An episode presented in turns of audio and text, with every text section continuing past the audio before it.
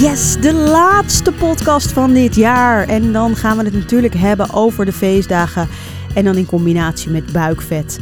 Want hoe voorkom je extra buikvet tijdens de feestdagen? Daar gaat deze nieuwe podcast over. Maar als eerste een shout-out naar Patricia, want die heeft namelijk mijn buikvetprogramma afgerond met uh, 4,5 kilo lichter.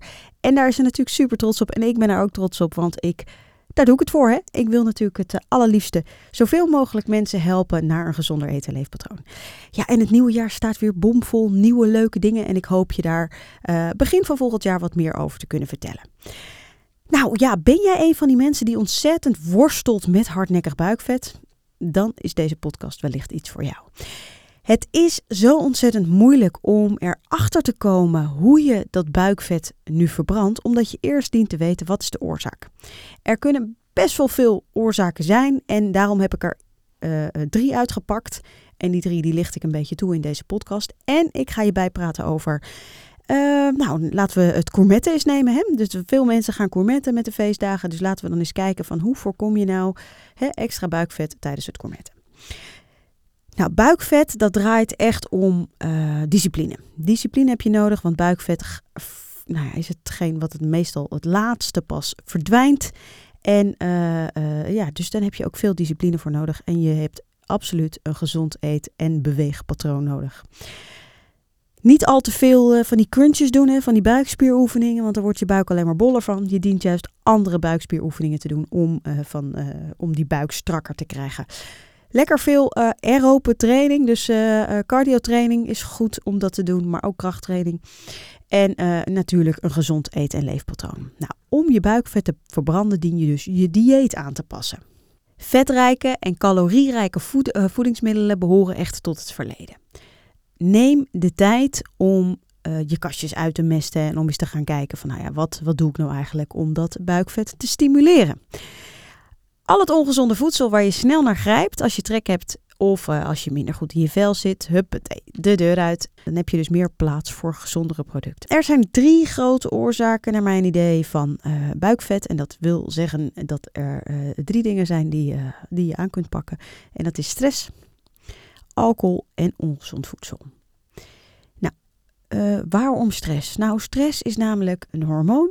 En cortisol wordt, wordt vooral opgeslagen in de buikholte. Dus mensen die vaak zo'n hele dikke zwemband hebben, dat is voor een heel groot gedeelte stressvet.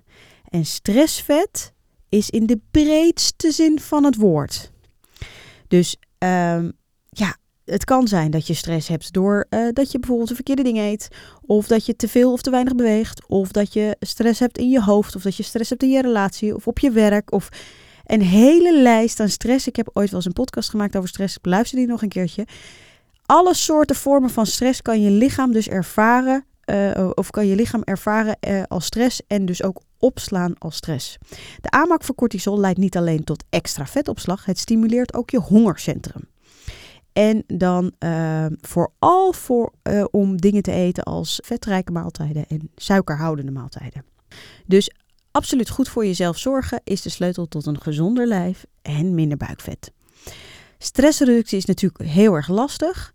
Um, en daarom dien je jezelf er ook een beetje de tijd en de ruimte voor te geven. Want als je volledig boven op jezelf gaat zitten, als het ware, dan, uh, nou ja, dan kom je natuurlijk helemaal niet uit die splagaat. Dus je moet echt jezelf dwingen meer te ontspannen op bepaalde vlakken en jezelf goed onder de loep te nemen.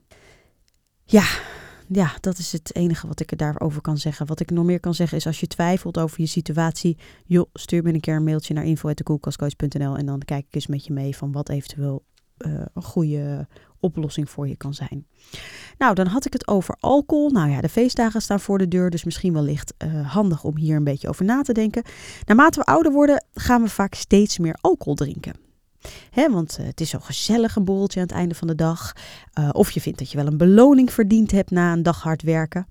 Af en toe een alcoholische versnapering is natuurlijk prima, maar het mag absoluut geen standaard worden.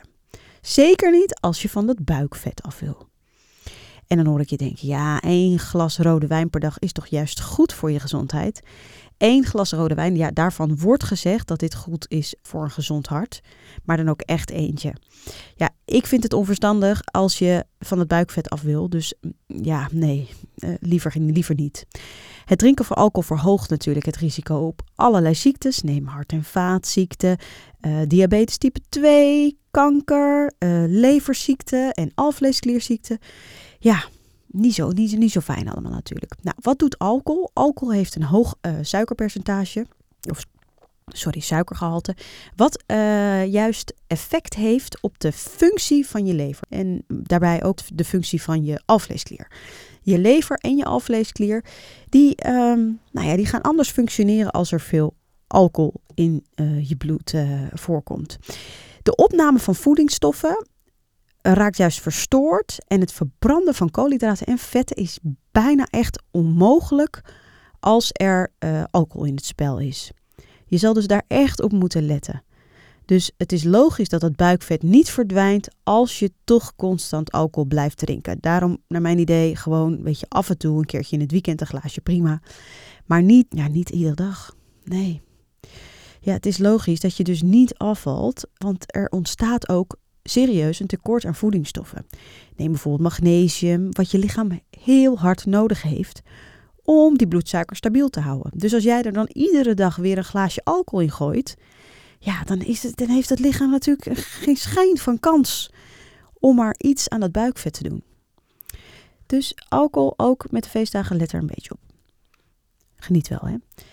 Oké, dan heb ik een nummer drie en dan hebben we het over uh, heel veel ongezond uh, voedsel. En dan is het vaak bewerkt voedsel. Hè? Nou, al dat voedsel bevat vaak ongezonde vetten, zout, suikers en maar heel weinig gezonde voedingsstoffen en, en, of, en of vezels.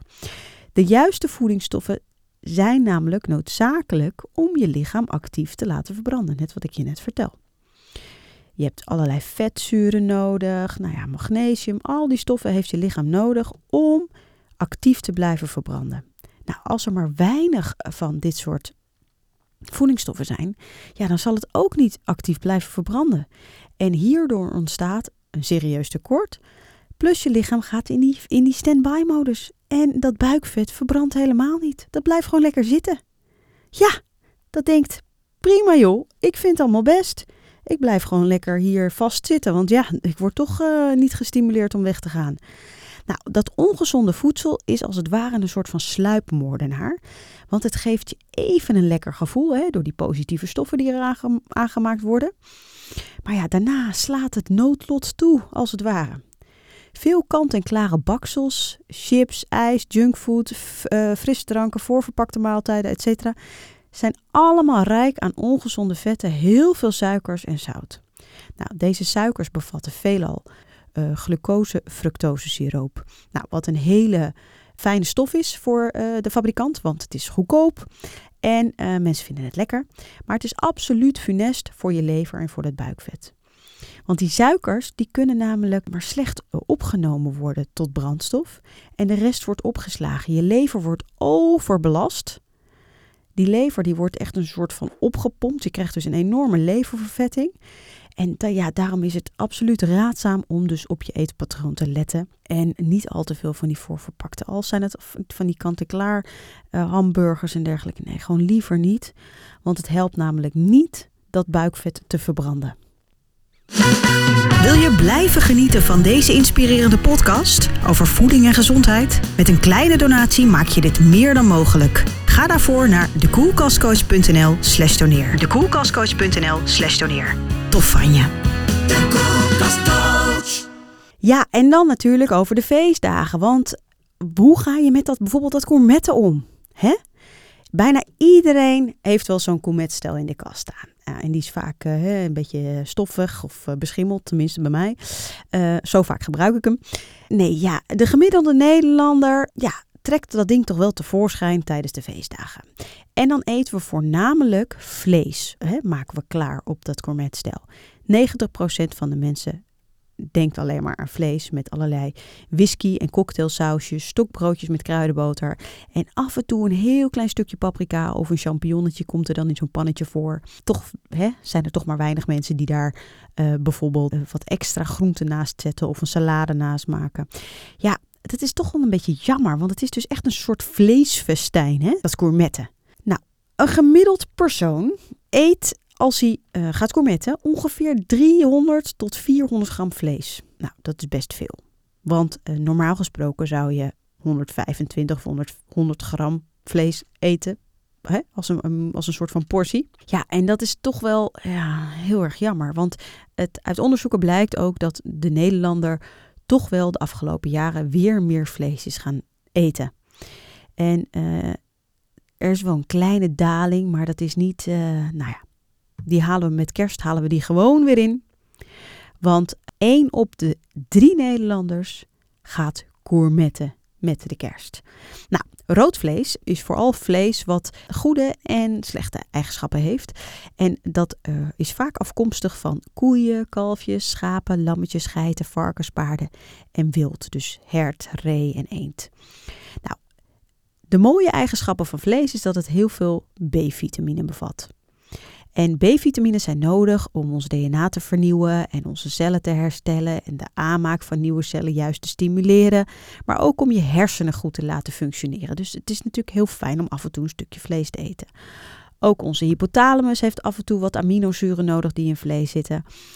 Uh, dan bevat vlees heel veel ijzer. En ijzer is een mineraal dat helpt je zuurstof te transporteren in het bloed.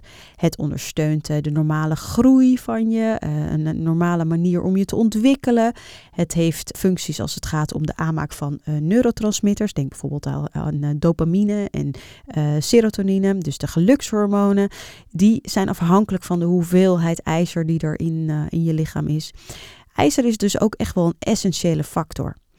Maar ja, het jammere dus is, waar ik, wat ik net al vertelde, is dat die gourmetschotel bestaat voor groot gedeelte uit bewerkt vlees. Denk aan swarma, kleine slaafvinkjes, hamburgertjes, worstjes. Af en toe verdwaald kipfiletje. En dat is veelal bewerkt vlees. Dus als we het dan hebben over ongezond voedsel, dan, ja, dan toch gaan we op die gourmetschaal gaan we dat toch weer, hè, toch weer neer. Zien we dat, zien we dat toch weer voorbij komen. Ja, want er worden namelijk geen kant-en-klare slaafvinken gekweekt. Hè? Door het bewerken van vlees wordt er heel veel zout en suiker en andere conserveringsmiddelen toegevoegd. En het is vaak goedkoper vlees, hè? dus er zitten ook vaak ongezonde vetten in. Ja, dat is toch best wel een beetje jammer, want uh, er is laatst weer een onderzoek geweest en we weten dat natuurlijk eigenlijk al. Maar ja, de World Health Organization claimt zelfs dat er een aannemelijk verband is tussen darmkanker en iedere dag rood vlees eten. Het risico op darmkanker verhoogt al als je dagelijks 100 gram vlees eet. En dan hebben we bijvoorbeeld diabetes type 2 en vaatvernauwingen staan eveneens in verband met te veel en te vaak rood vlees eten. De ontstekingsreactie die er ontstaat is hier de oorzaak van. Wat van groot belang is als je toch vlees eet, dat er een flinke pan met groenten of salade naast staat. Dan wordt het verteren van vlees gemakkelijker voor je spijsvertering. Plus het voorkomt dat je lichaam verzuurt. En ja, dan is het nog beter om te gaan voor biologisch vlees. Want hoe beter of hoe, nou ja, hoe meer biologisch we gaan eten, hoe beter dat natuurlijk is voor, uh, voor de natuur, voor het klimaat, maar ook voor jezelf. Want biologisch vlees bevat veel minder troep en rommel. Uh, waardoor je dus gewoon een mooier stukje vlees eet. Wij hebben hier bijvoorbeeld uh, in de buurt hebben een boer en die uh, heeft gewoon een aantal koeien. En dan kan je iedere jaar kan je gewoon iets, een stukje bestellen. En hij zorgt supergoed voor zijn koeien. Krijgen geen antibiotica, krijgen eerlijk voedsel. Ja, dus nou ja, een supergoed idee om af en toe gewoon bijvoorbeeld naar zo iemand toe te gaan. Als je dan toch eens een keer wat wil eten, eten dan goed spul. En nou ja, niet al die troep van die supermarkt alsjeblieft. Ja, nou, wat is nou slimmer om te doen, hè? Ja, het is slimmer om gewoon zelf dus die gourmet schaal, uh, schaal te gaan maken. Door, daar kan je dus allerlei verschillende stukjes vlees op leggen. Dus denk bijvoorbeeld aan kipfilet of een biefstukje van varkenshaasje, wat je dus zelf snijdt. Het liefst gewoon bij dus een eerlijke boer of een eerlijke slager of uh, ergens biologisch vlees vandaan haalt, wat je dan, waar je dan gewoon zelf kleine stukjes van maakt. Dat zou het aller, allerslimste zijn. En als we het dan hebben over sausjes, dan zou ik ook lekker alle potjes en sausjes en dingetjes ook lekker hup, weg de vuilnisbak in of ze gewoon lekker niet kopen. Want heel veel van die sauzen hebben natuurlijk heel veel geur, kleur en smaakstoffen die ook niet bevorderlijk zijn voor je gezondheid. Maak gewoon lekker simpel zelf een knoflooksaus. Mijn favoriet is er altijd wel de Griekse yoghurt met een grote schep crème fraîche erin, fijn gehakte of geknepen knoflook. Net zoveel als dat je lekker vindt en verse peterselie. Dan heb je echt de simpelste knoflooksaus, maar echt oh zo lekker. Het slimste is dan om eventjes van tevoren te maken. Dan eh, heeft hij wat meer smaak. Ja, en dan wil je natuurlijk af en toe ook wel een stokbroodje erbij. Nou, dat mag dan natuurlijk. Hè. Kies dan wel een stokbroodje waar iets meer in zit, zou ik doen. Ik zou dan toch voor, voor koren kiezen of een, hoe heet dat, of een speldbroodje of iets waar toch hè, wat iets gezonder is. Maar je kan ook denken van, joh, haal gewoon al dat brood lekker weg en ik zet er uh, wat andere dingetjes voor in de plaats. Dus neem bijvoorbeeld zoete aardappelfrietjes of je doet lekker uh, gevulde eitjes, weet je wel. Dat je op die manier uh, wat extra dingen eet of je hakt gewoon wat meer groentes komkommer, paprika, worteltjes, dat soort dingetjes. En die kan je dan ook lekker dippen in die lekkere sausjes. Ja, en voor de liefhebbers die van pannenkoekjes houden, dan zou ik zelf een wat gezonder beslag maken met bijvoorbeeld een banaantje en havermout, een paar eitjes, dat, wat kaneel. En dan heb je een wat gezonder beslag, zonder dat je daar eventueel suiker of stroop of aan zo aan dient toe te voegen, omdat je hebt natuurlijk al een banaan erin gedaan. Ja, en probeer toch lekker veel groenten op dat gourmetstel te gooien. Dus maak ook eens wat leukere dingen. Ik heb nog een heel leuk e-book op mijn website van met vegetarische uh, kerstrecepten. En daar staan echt hele leuke dingetjes in.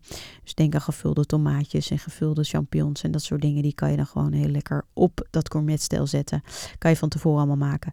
Wat ook een fijne is, is, is om te gaan werken met halloumi. Halloumi is een smeltkaas gemaakt van schapen.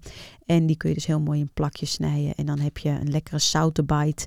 En die is prima te grillen op je, op je gourmetstel. En dan... Uh, nou ja, dan eet je toch weer wat minder vlees dit jaar tijdens de feestdagen.